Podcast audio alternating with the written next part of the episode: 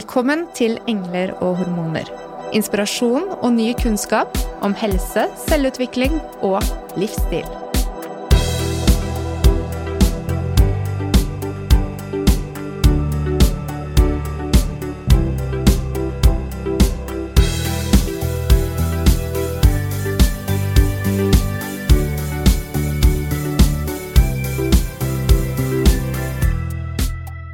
Vi må kjenne til egen syklus og hvordan hormonene påvirker oss for å kunne ta bevisste valg omkring egen helse. Og En vesentlig del av livet til en kvinne handler jo nettopp om reproduktiv helse, og så langt finnes det ingen jevn fordeling når det gjelder prevensjon mellom kjønn.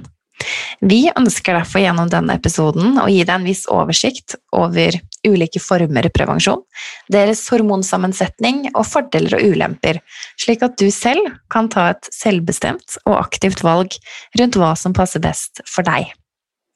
Spørsmålene omkring hormonell påvirkning fra omgivelsene er mange, og ikke minst overskriftene omkring farlige bivirkninger florerer i tabloidene. Hva er fordelene med hormonprevensjon, og hos hvem? Kjenner vi godt nok til bivirkningene, og hvilke alternativer finnes det egentlig? Med oss har vi gynekolog og kvinnehelseentusiast Madeleine Engen. Hjertelig velkommen tilbake i studio, Madeleine. Hyggelig å ha deg med. Tusen takk. Det er veldig hyggelig å være tilbake hos dere. Hvordan går det med deg? Jeg har det bra mange spennende prosjekter på gang, så jeg koser meg.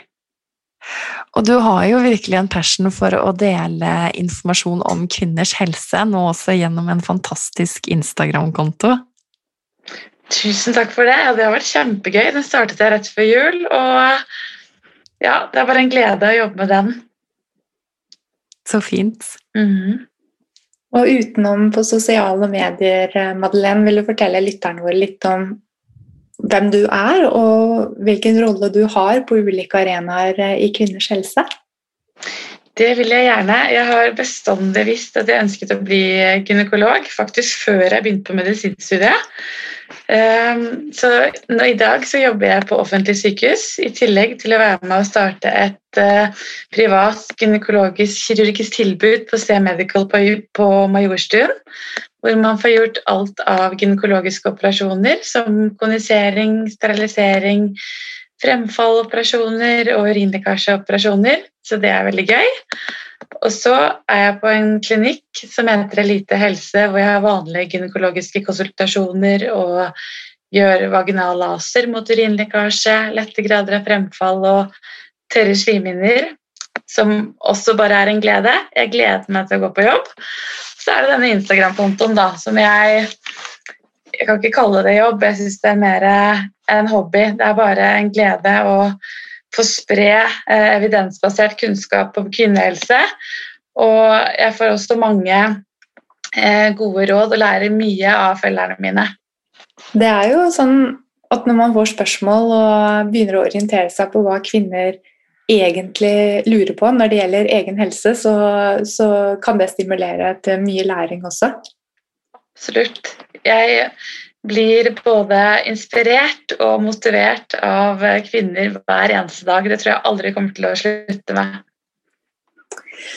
Og i dag så er eh, tema hormonprevensjon og prevensjon. Et tema som vi merker så godt på klinikken der vi jobber engasjerer. Det er mange som stiller spørsmål rundt hvilken prevensjon de skal velge, hvordan det fungerer og hva det fører til i kroppen. Og Der håper vi Madeleine, at du kan hjelpe oss til å få en bred forståelse av de ulike typer prevensjonsmetodene, hva de gjør med kroppen, og at det også kan gi oss eh, et kart der vi kan se hva som passer best for oss. Jeg skal prøve så godt jeg kan. Dette er et stort tema, så det er forståelig at mange synes at det kan være lett å gå seg vill her. Ikke sant? Og det er jo gjerne sånn at man bruker prevensjon eh, ja, fra relativt ung alder, ikke sant? og gjerne over mange mange år. Og så har jo vi kvinner en ganske spennende hormonprofil som endrer seg gjennom årene, og etter hvert som tiden går. Um, Hvis jeg har forstått det rett, da, så, så er det jo sånn at eh, hormonprevensjon påvirker jo kjønnshormonene våre, østrogen og progesteron i kroppen. Kan ikke vi komme litt inn på det? Hva er det, hva er det egentlig menstruasjonssyklusen vår eh, styres av, eh, og hva er det som skjer i kroppen? Jo, det som skjer, er at det er i hovedsak fire hormoner som sørger for at eh, forliklene i eggstokkene utvikler seg, og at vi får eggløsning, og at vi etter hvert får menstruasjon. Og det styres av hormonene LH og FSH som slippes ut fra hypofysen i hjernen, og våre kjønnshormoner progesteron og østrogen som er i eggstokkene. Og når vi tilfører prevensjon, så tilfører vi syntetiske hormoner som etterligner Eh, våre naturlige hormoner. Så dette samspillet blir forstyrret, og befruktningen vil ikke skje. Og når vi da tilfører disse hormonene syntetisk, hva skjer med vår egen hormonproduksjon? Det, de blir overstyrt, og akkurat hva som skjer, varierer jo litt i forhold til hvilke type prevensjon vi tar. Så da kommer vi kanskje litt mer inn på ok, hvilke overordnede grupper innenfor prevensjon er det vi har når det gjelder hormonprevensjon, Madeleine? Når det kommer til hormonprevensjon, så har vi to hovedtyper. Vi har det som vi kaller for kombinasjonspreparater, som består av østrogen og gestagen.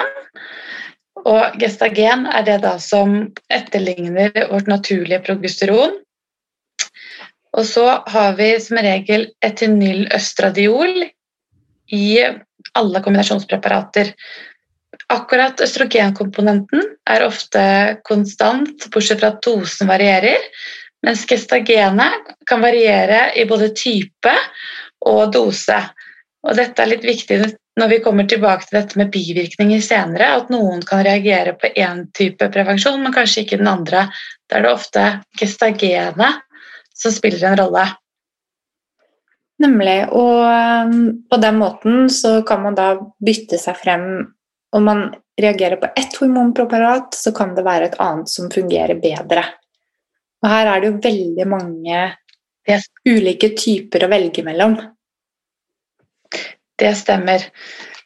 Så nå nevnte jeg kanskje den ene formen, hovedtypen for hormonpreparat, som var kombinasjonspreparater, mens den andre typen er jo da rene eh, gestagenpreparater.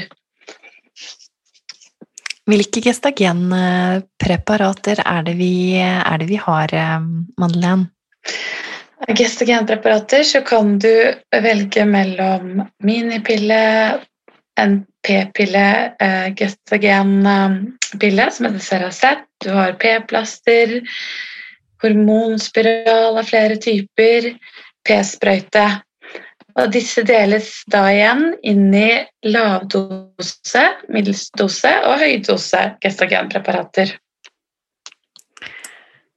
Så her er det da ulikt nivå av gestagen i disse preparatene. Og hva er det som gjør at vi velger det ene foran det andre? Hvordan, hvordan vil man tenke når man da skal gå inn i denne jungelen og se på hva som er riktig for en selv? Jo, da tenker jeg at Hvis du er veldig sensitiv for hormoner, så skal du i hvert fall vite at i f.eks. hormonspiral så er det veldig lav eh, systemisk dose av gestagen. Mirena-spiral tilsvarer én minipille i uken, mens Jades og Kelena, som er hormonspiraler som inneholder enda mindre eh, gestagen, tilsvarer bruk av én minipille annenhver uke.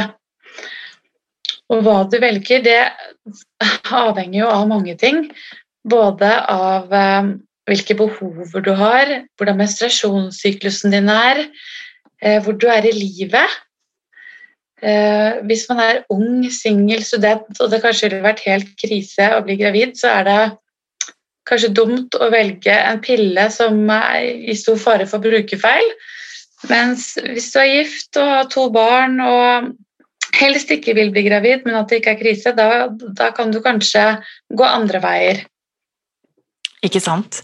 Jeg har jo hørt uh, et av disse gjeterordene som går rundt disse spiralene, da, f.eks. at du skal ikke ha spiral, eller bør helst ikke sette inn en spiral før du er gått gravid. Det er bare tull. Ikke sant? Du kan få Ja, det er bare tull. Det er utrolig mye myter eh, rundt eh, prevensjon som er viktig at vi slår hull på. Eh, hormonspiral det kan du få når som helst. Er man gått også lengre, til, eh, lengre dit at det ikke lenger kun er p-piller som skrives ut til unge jenter? At man heller velger disse mer langtidsvirkende eh, prevensjonsformene? Det vil jeg si. Jeg er veldig glad for å se at stadig flere yngre jenter velger hormonspiral eller p-stav, og det tror jeg er et veldig godt valg mm. for den aldersgruppen. Mm. Hvorfor det, Madeleine? Hvorfor, uh, hvorfor er det bedre å velge en av disse typene hormonpreparater? Det er jo uh, farlig for meg kanskje å uttrykke min mening såpass sterkt, men jeg tenker at eh, med hormonspiralen, da, som du har såpass lite systemisk påvirkning, og hvor du i tillegg har en sikker prevensjon eh, P-stav og hormonspiral er de sikreste prevensjonsmidlene vi har. De beskytter mot graviditet over 99 mens man ser at eh, på p-pillebruk så glemmer syv av ti en pille eller flere det første halve året de står på det. Um, så det vil kanskje være det beste argumentet jeg har. Og i tillegg at hvis man er plaget med sterke blødninger eller har mye smerter, så er eh, hormonspiral, eh, p-stav, også veldig god behandling mot det. Ikke sant? Og akkurat når det gjelder dette med blødningskontroll, da, eh, vil det være en forskjell på disse ulike eh, minispiralene og Mirena, som mange kjenner til? Ja, det var et veldig godt spørsmål. Det er egentlig bare Mirena som har effekt på eller har best effekt på å redusere blødningsmengde. Over 90 får eh, mindre blødning på den. Eh, mens Kelena og Jadis har ikke den samme effekten på å redusere blødning. Men um, når det gjelder det med blødning etter isett spiral, Madeleine, um, så er det jo slik at noen opplever å ha blødning og ganske mye i lang tid etterpå. Um, og andre får ikke så store plager. Hva er det det kommer av? Det kan komme av flere ting.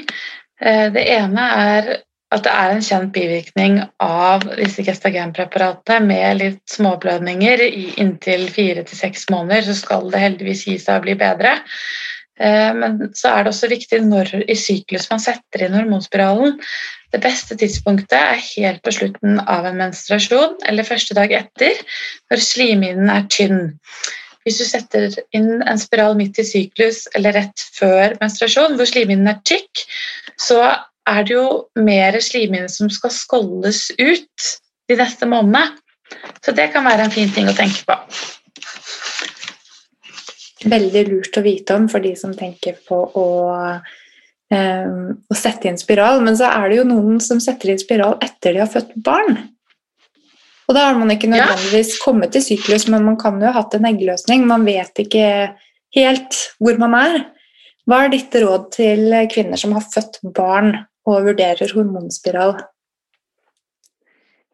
For det første så tenker jeg at det er viktig å vente en åtte uker etter en vanlig vaginal fødsel, fordi det er litt større sannsynlighet for at spiralen kan lage hull på livmoren eh, i, i det tidspunktet, rett etter en fødsel. Eh, har man hatt et keisersnitt, så bør man vente enda litt lenger, kanskje tre måneder. Så hvis Jeg må ærlig innrømme, Mona, jeg har ikke hørt om så mange som er så interessert i å samleie de første åtte uke, ukene etter en fødsel. Men hvis det er noen som er det, så vil jeg anbefalt å bruke kondom, kanskje. Det er jo et viktig, viktig, poeng, det du sier eh, der, Madeleine, om å faktisk bruke prevensjon rett etter fødsel. For det er ikke nødvendigvis sånn heller at man ikke kan bli gravid eh, direkte etterpå. Helt riktig, det er absolutt relevant, så det må man tenke på. Det fins nok av kvinner som har gått, eh, gått kall det i den fella å få barn innenfor samme kalenderår. Ja. Når du fortalte om gestagenprevensjon, Madeleine, så nevnte du at det var ulike doser. Um, kan du komme litt mer inn på de andre typer gestagenpreparater som vi kan velge mellom, og hva er forskjellene i innhold av hormoner uh, sånn roughly på de ulike preparatene? Ja, det går først og fremst på dosen gestagen. Eh, og av de lavdoserte så har vi hormonspiralene som jeg nevnte, og denne minipillen som det bare fins én type av konludag. Den, eh, er, den må du ta eh, med mindre enn tre timers avvik. Så hvis du skal gå på den, så bør du være en, en person som har ganske kontroll på sysakene, for å si det mildt. Eh, blant de middelsdoserte, altså de som er litt mer gestagen, har du eh, p-stav eh, bl.a. og Ceracet. Og disse kan virke ved å hindre eggløsning, men de virker først og fremst ved at slimet i livmorhalsen blir seigere, sånn at det er vanskeligere for sædcellene å trenge gjennom. Og de gjør også til at miljøet i livmoren er gunstig for at et egg skal eh, eh, sette seg fast. Og så har du til slutt én form for høydose gestagenpreparat, det er p-sprøyte. Det anbefales ikke til jenter som er under 18 år, for det er vist at det gir litt risiko for osteoporose, og det kan også gi en negativ lipidprofil, sånn at man skal ikke bruke det hvis man har risiko for hjerte-karsykdommer. Den kan faktisk også gi litt vektoppgang. Eh, hvis man går opp over 5% så bør man slutte på eh, p-sprøyten. Eh, og det er det eneste prevensjonspreparatet som kan utsette eggløsning. Det kan ta et helt år etter man har sluttet på p-sprøyte, før man får tilbake eggløsningen. Det er litt interessant, fordi mange liker å vite hva syklusen sin er. Men da på Seracet mm. og med p-stav så så kan du miste eggløsningen, men det er ikke sikkert du gjør det. Er det riktig å forstå? Og så med p-sprøyte så gjør du det. Ja, mm. det gjør du. Mens hormonspiral og den minipillen, da mister du ofte ikke eggløsningen. Det er også derfor noen kan kjenne litt på disse eggløsningssmertene sentralt i syklus. Og ja, da tenker jeg jo umiddelbart liksom, Du nevnte dette her med eh, antall minipiller liksom, per spiral per uke eller sånn i, i sted. Vil det da være riktig å si at en spiral virker mer lokalt da, i livmoren, mens eh, eh minipille som man eh, tar eh, oralt, eller eh, p-pille med gestagen alene, samt p-sprøyte og p-stav vil virke mer systemisk. Veldig godt oppsummert. Helt riktig. Vi må holde tunga rett i munnen. ja, det er veldig bra. Det er bra du samler trådene. Jeg kan ta litt av. Vil det da også være Kall det liksom mer gunstig, og også med tanke på hvis man planlegger graviditet da, eh, senere, at det er lettere liksom, å bli gravid hvis man har gått på eh, eh, spiral eller de som virker mer lokalt?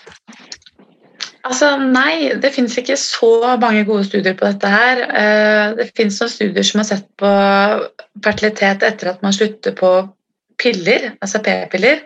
Og det ser ut som at det går i snitt 17 dager faktisk bare til man får eggløsning igjen. Dette vil nok eh, sikkert også variere fra person til person, men jeg tror ikke det er noen store eh, forskjeller der mellom de andre prevensjonspreparatene, bortsett fra altså p-sprøyten. Mm. Det du forteller om p-sprøyten, gjør at jeg umiddelbart kjenner jeg blir litt mer skeptisk til den enn de andre pga. nivået med gestagen i den. Men er det noen fordeler ved p-sprøyte? Når er det den um, ja, velges over andre? Jeg tenker at det er en fordel hvis man har et stort behov for å bli helt blødningsfri. Altså 50% mister menstruasjonen helt på den. Eh, da tenker jeg på tilstander som f.eks. endometriose, hvor det er et eh, mål eh, å oppnå blødningsfrihet. Ja, det er vel det beste eksempelet jeg kan komme på. Jeg vil som regel anbefale alle de andre prevensjonsmetodene før den. Mm. Mm. Finnes det andre bivirkninger ved de andre gestagenpreparatene? Du nevnte jo dette med fare for hjerne- og hjerteinfarkt og osteoporose på p-sprøyte. Um, ja. Um, det er ikke noen alvorlige bivirkninger uh, relatert til rene gestagenpreparater. Men det fins flere bivirkninger som absolutt kan gå utover livskvalitet. Som hodepine, ømme bryster, som begge kommer av hevelser i kroppen, som gestagenet kan gi. Tørre slimhinner i skjeden um, og nedsatt sexlyst. Fet hud, uh, akne, fett hår. Nedstemthet er det noen som har rapportert. Uh, det kan vi komme litt inn på senere.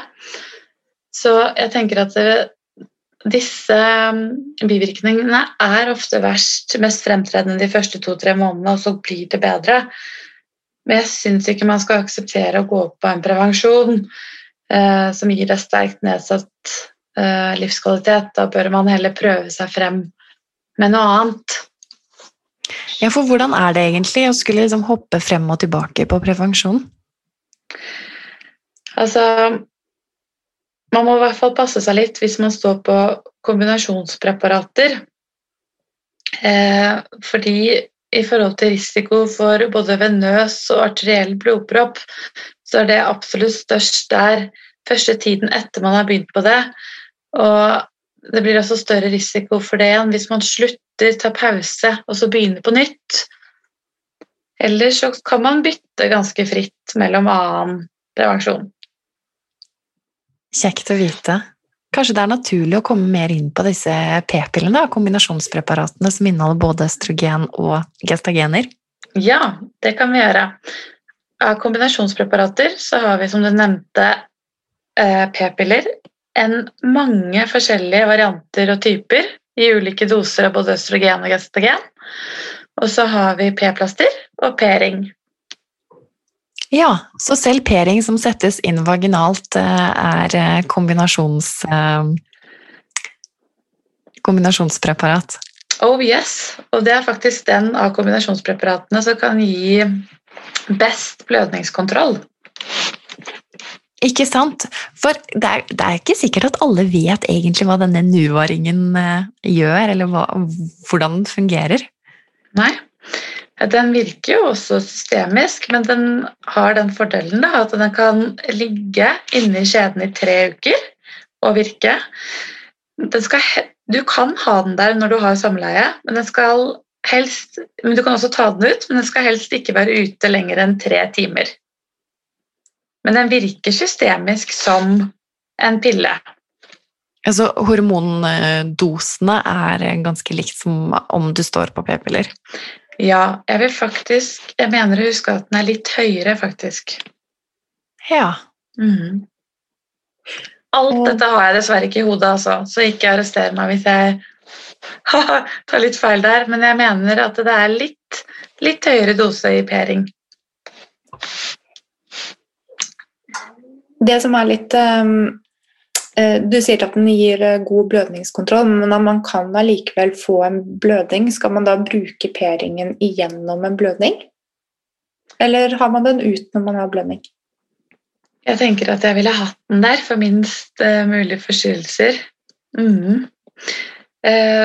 Men når det kommer til p-piller ellers, så kan man godt gå på p-pillene kontinuerlig. Men hvis man da får en blødning, så kan det være lurt å, å, å slutte på pillene igjen fire til syv dager, for da gir kroppen deg litt beskjed om at nå er livmorslimhinnen min så tykk at den vil ut, jeg trenger å støte den ut. Og da er det fint å gi den mulighet til det. Mm. Så jeg vil anbefale en sånn fire menstruasjoner i året. Det er fint. Ja, Så ikke gå på det kontinuerlig i årevis uten å ha stopp? Riktig. Mm. Ville prøvd å ha hatt en tre-fire blødninger i hvert fall. Mm.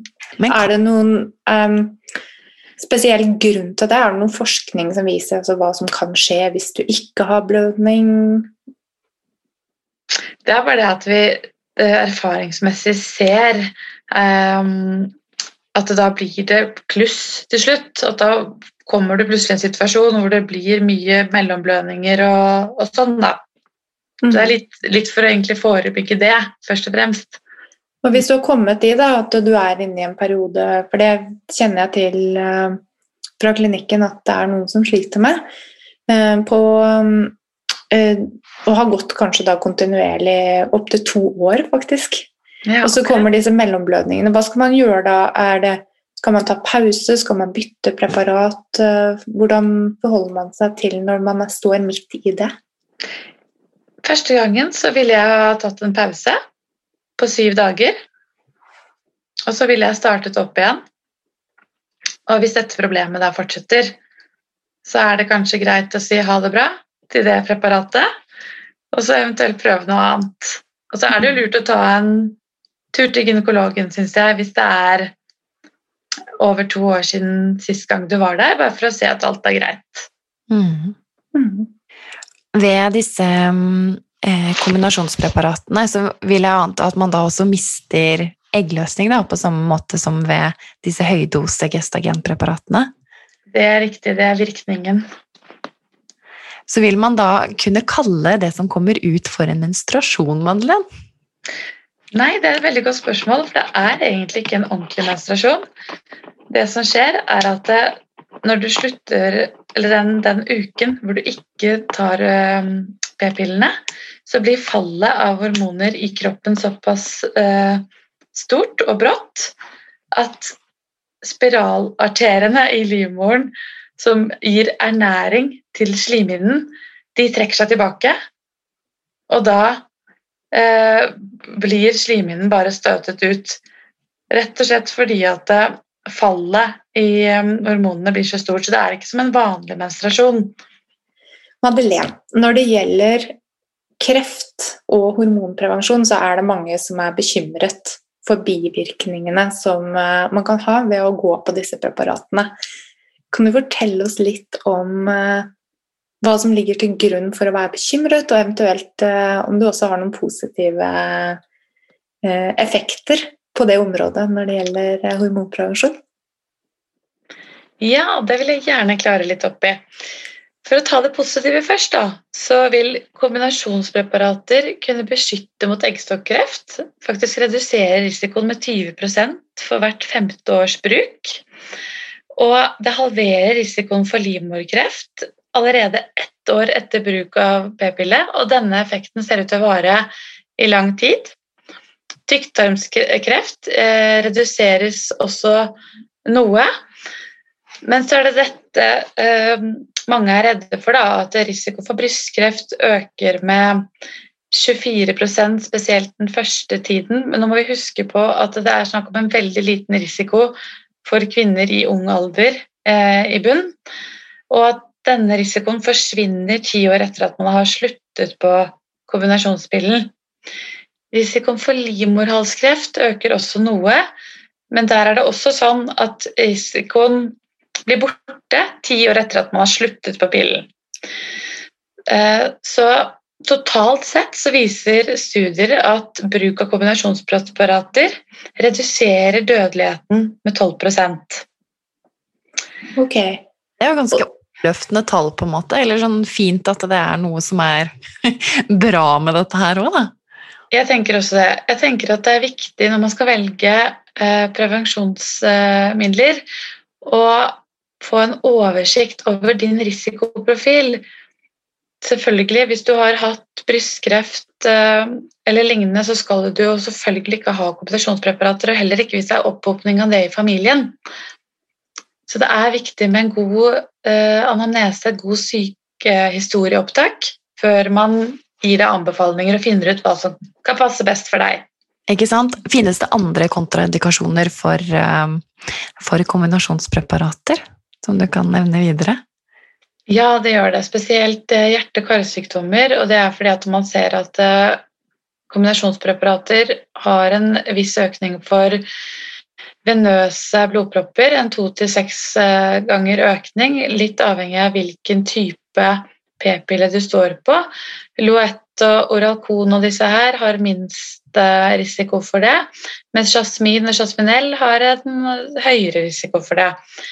Hjerneinfarkt pga. arteriell blodpropp er økt ganger tre, og hjerteinfarkt er økt ganger to.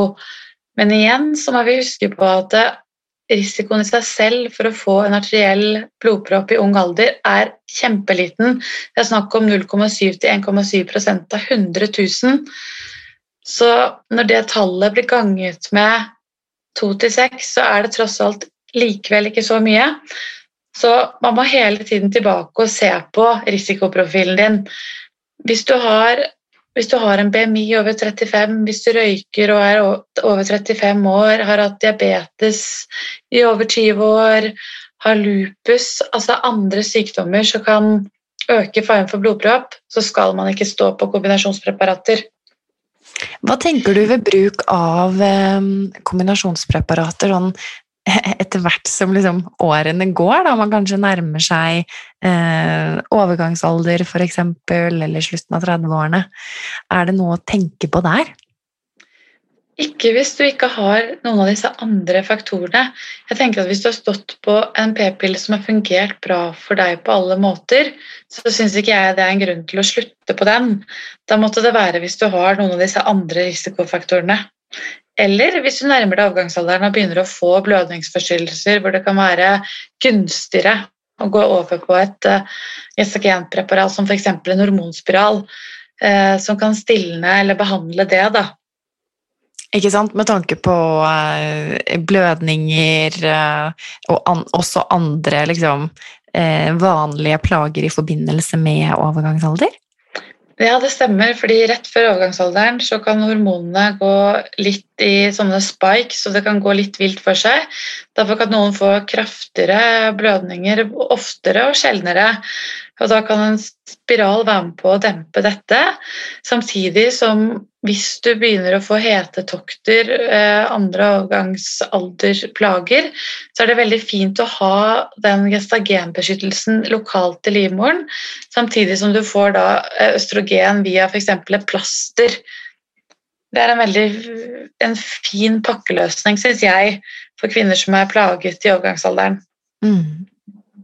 Jeg ble litt eh, nysgjerrig på um, bivirkningene når det gjelder blodpropp. Eh, ja. Både venøs og arteriell, som du nevnte. fordi når man har stått på disse preparatene og vært av de en viss periode, vil man fremdeles ha økt risiko for å få blodpropp, eller er det mens man står på preparatene? Det er Absolutt den første tiden, Mona. De første seks månedene. Eh, og så er det ved en eventuell pause så oppstart igjen. Men når man da har gått av preparatene, så på sikt da så vil den risikoen reduseres. Mm. Når hormonene er ute av blodet ditt. Mm. Så er det jo snakk om eh, en rekke andre bivirkninger også i forbindelse med bruk av kombinasjonspreparater, kanskje spesielt. Eh, det har vært en eh, større dansk studie bl.a. i forbindelse med bruk av antidepressiva og depresjoner.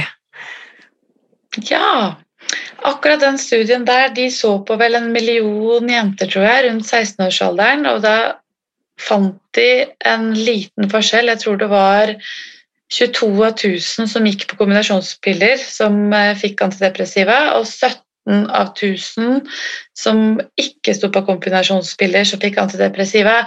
Her vil jo vi igjen si at uh, denne forskjellen er for liten da, til å dra en sikker assosiasjon mellom nedstemthet og kombinasjonsspiller. Uh, men jeg syns det er veldig viktig å ta disse jentene på alvor. Så hvis du som helsepersonell får en jente som kommer til deg og opplever at hun har blitt mer nedstemt og mindre energi, er lei seg, så må man først kartlegge at det ikke kan være noen andre forklaringer til dette. Eh, og Hvis ikke det er det, så syns jeg det er en god idé å ta unna av det preparatet og se hva som skjer da.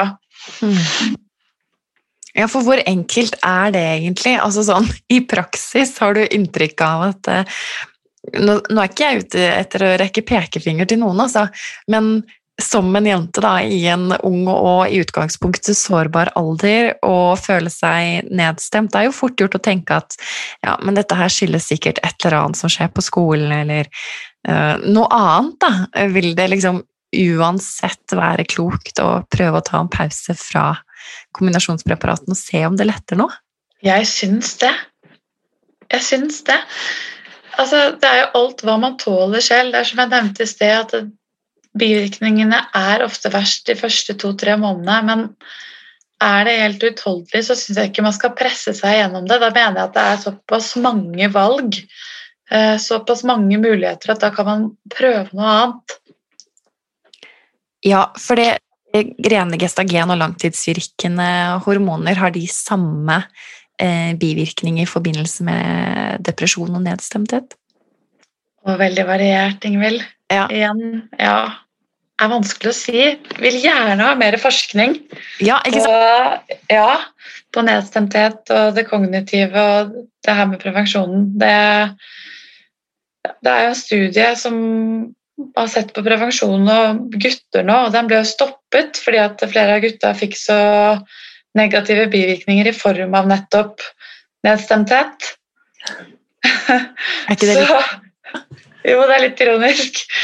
Så Nei, vi må ta det, ta det på alvor. Mm. Mm. Du var så, eh, så vidt innom det kognitive der, Madeleine. Og noe som flere har referert til på klinikken igjen, da, eh, der vi får mye tanker og spørsmål om eh, prevensjon. Det er denne opplevelsen av eh, når man har gått på prevensjon en god stund, og så går man av prevensjon, så føles det som det er en tåke som letter.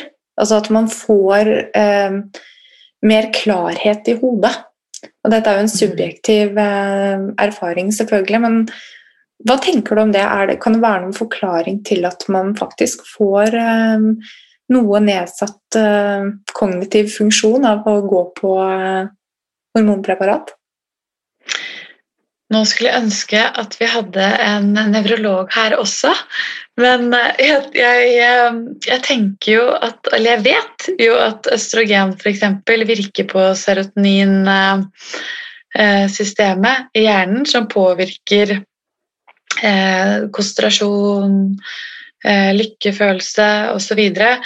Og jeg tror at østrogen kan påvirke flere forskjellige celler i kroppen, og at ikke vi har fullstendig kartlagt alt hvilke virkninger den kan ha.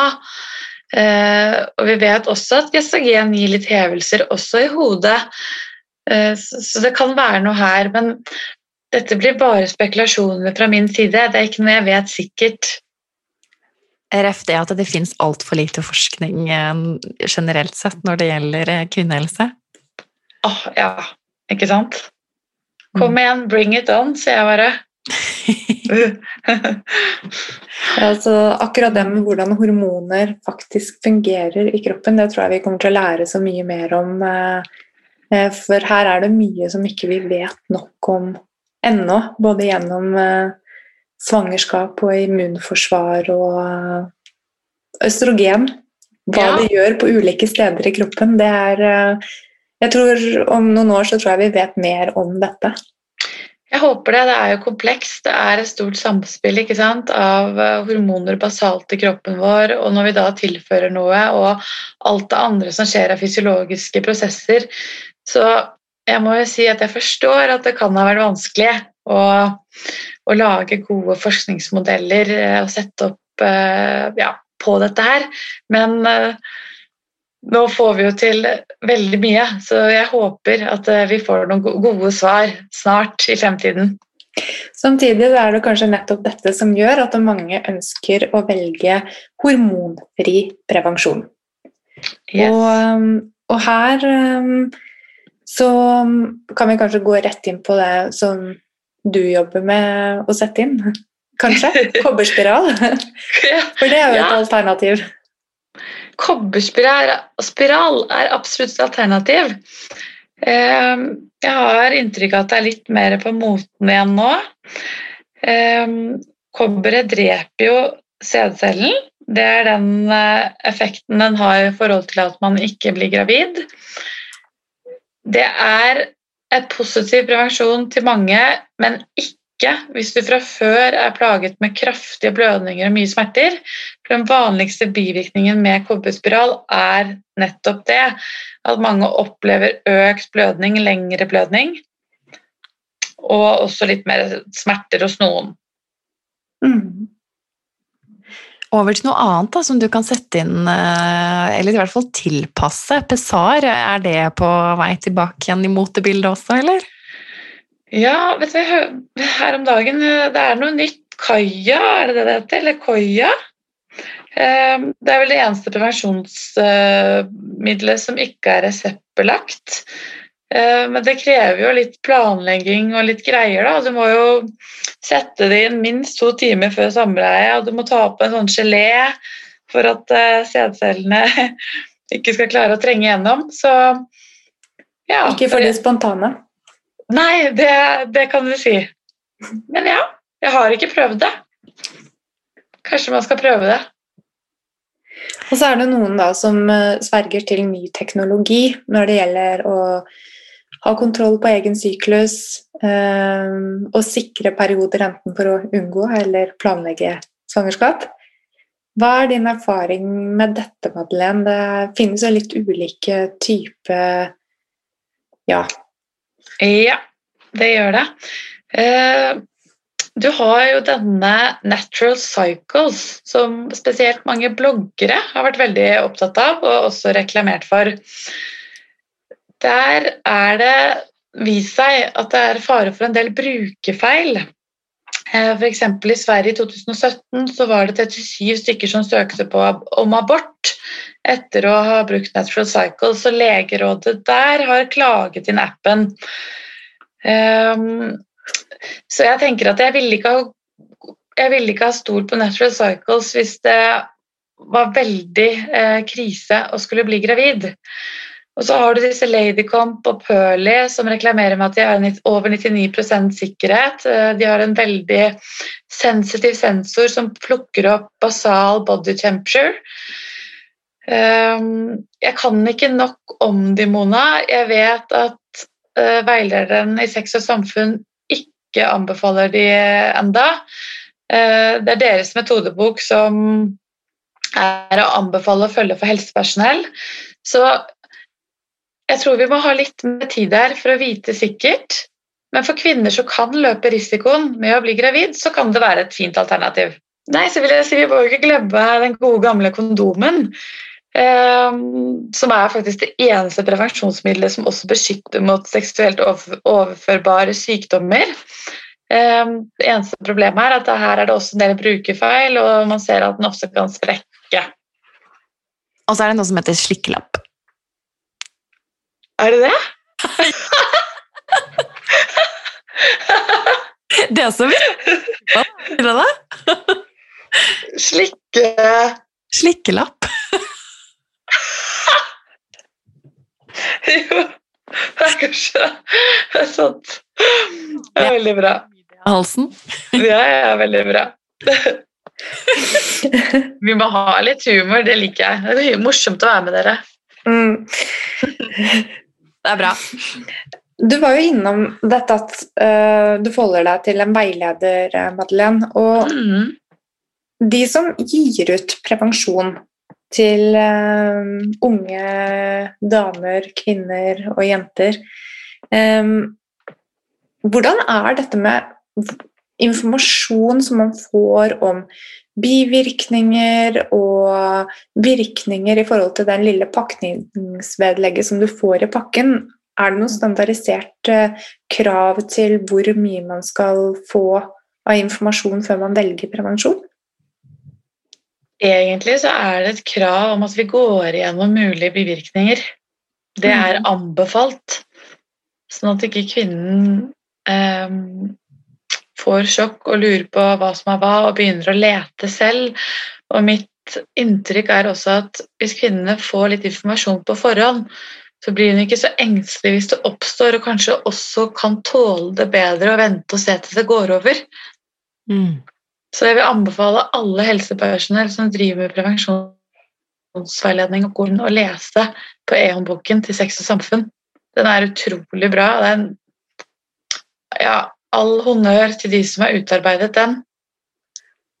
Så bra. Og den um, biten som vi har vært igjennom nå, har jo gått på da å forebygge svangerskap, eller liksom ha kontroll på sin reproduktive helse. Og som du nevnte, kondom eh, i forhold til seksuelt overførbare sykdommer. Mm. Um, så er det jo ikke 100% sikkert, og det er som du sier brukerfeil. Så av og til så kan det være at man kommer i en situasjon der man eh, trenger nødprevensjon. Ja. Hva nå- er det? Nødprevensjon, og det får vi jo nå reseptfritt. Det er også gestagen, som virker på den måten at eggløsningen blir utsatt eh, noen dager. Så hvis man allerede har, har hatt eggløsning, så vil ikke nødprevensjon virke. Nei. Mm.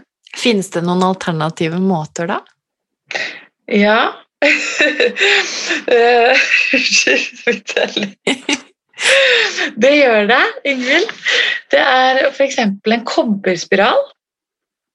Det kan man sette inn, og det er visst en av de sikreste nødprevensjonsmetodene. Mm. Eh, Så, så det er en mulighet. Inntil fem dager etter samleie, er det vel? Mm. Eller hvor vanlig er det, på en måte? Altså sånn, Jeg må innrømme at jeg aldri har gjort det. Jeg tror at Sex og samfunn opplever det oftere. Men som gynekolog har jeg ikke vært med på det. så i forbindelse med også nødprevensjon, da, så vil det jo være smart, kanskje, i den grad det er mulig, å, å i hvert fall ha en oversikt over egen syklus dersom den fortsatt er der, ikke sant? Det er veldig lurt. Det er smart å alltid være bevisst på egen helse. Og følge med og kjenne seg selv. Mm. Så um, i forhold til dette med å følge med på egen syklus uh, og, og starte på prevensjon, vil du da anbefale at man har en viss uh, kontroll og at man følger med på syklus før man starter opp med prevensjon, for å ha en oversikt over den naturlige syklusen før man påvirker den med syntetiske hormoner? Jeg tenker jo at hvis man har behov for prevensjon, så er det viktigste Mona, å starte med prevensjon. For det er en mye større konsekvens å plutselig stå der med et uønsket svangerskap. Ikke sant? Mm. Um, så for de som ikke har mulighet eller til å vente og se, så, så syns jeg faktisk ikke det. Jeg syns at man skal prioritere å, å beskytte seg selv mot å bli gravid hvis det er noe man ikke ønsker. Mm. Det er jo ganske viktig dette her, da, for liksom kvinnens selvbestemmelsesrett og ja, i det hele tatt eh, når det gjelder prevensjon. Det er jo i utgangspunktet helt fantastisk at eh, vi har det, og at det fungerer såpass bra som det gjør. Det har til de grader vært med på å, å løfte frem likestillingen. Um, det er det ingen tvil om. Og vi må fortsette uh, å stille krav og, og be om mer informasjon og håpe at hele tiden at industrien utvikler bedre uh, alternativer for oss. Hva vil du si er det ideelle, da? Sånn framtidsutsiktene? Hva er liksom det beste du kan se for deg innenfor prevensjon? Et prevensjon som er helt eh, homostatisk, som ikke gir noen eh, form for bivirkninger, eh, og som man ikke trenger å huske på. Eh, ja. Det må jo være, måtte jo være drømmesituasjonen.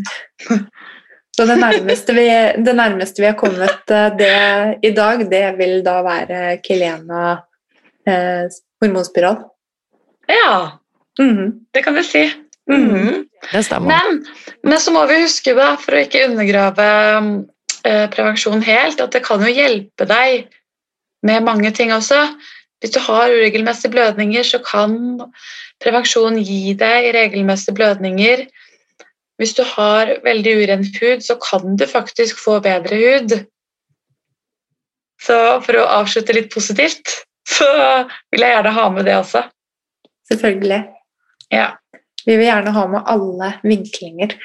Og eh, vi har også veldig lyst til å lære mer fra deg, Madeleine, så vær, vi håper at du vil komme tilbake til oss og snakke om andre områder av kvinnehelse som du brenner for. Jeg elsker kvinnehelse, og jeg syns det er så hyggelig å være sammen med dere og snakke med dere, så det gleder jeg meg til. Herlig. Og alle sammen, kjære lyttere, tusen hjertelig takk for at dere følger oss. Men dere må også gå inn og følge kvinnehelse Kvinnelegen understrek gynekolog. ja. Instagram. ja, dere er veldig velkomne til å stille spørsmål og komme med forslag om tema. Og det er så interessant å følge med i Insta-storiesene dine, Madeleine. For det, ja, du, du, har så mange baller i luften, og du tar jo tross alt imot verdens nydeligste, vakreste vesener ved Bærum sykehus. Ja, det er eh, magisk, rett og slett. Jeg har verdens beste jobb, og det er veldig gøy å dele det eh, med andre kvinner, og ikke minst all den varmen og engasjementet man får tilbake. Mm. For vi som kvinner, vi eh, Ja, vi er jo på evig søken alltid etter å få mer svar, og vi blir jo stadig mer og mer nysgjerrig på hva som ja, skjer i skjer i kvinnekroppen. eh, Så det blir Ja, sorry, det ble bare ball. det er nok å ta av der, da. Det er veldig bra. Det er helt riktig. Det er som han gastrokirurgen sa på den storyen min på fredag. Dere kvinner har så mye på hjertet, og ja, godt er det, sa jeg. Fortsett å dele. Og vi skal hvis vi får lov å dele litt av eh, dine fantastiske, autentiske bilder kombinert med faglig kunnskap, eh, så følg oss på Instagram denne uken, så får du se mer av den rå realiteten innen kvinnehelse. Tusen takk for i dag, Madeleine. Juhu, takk for i dag. Ha det. Ha det.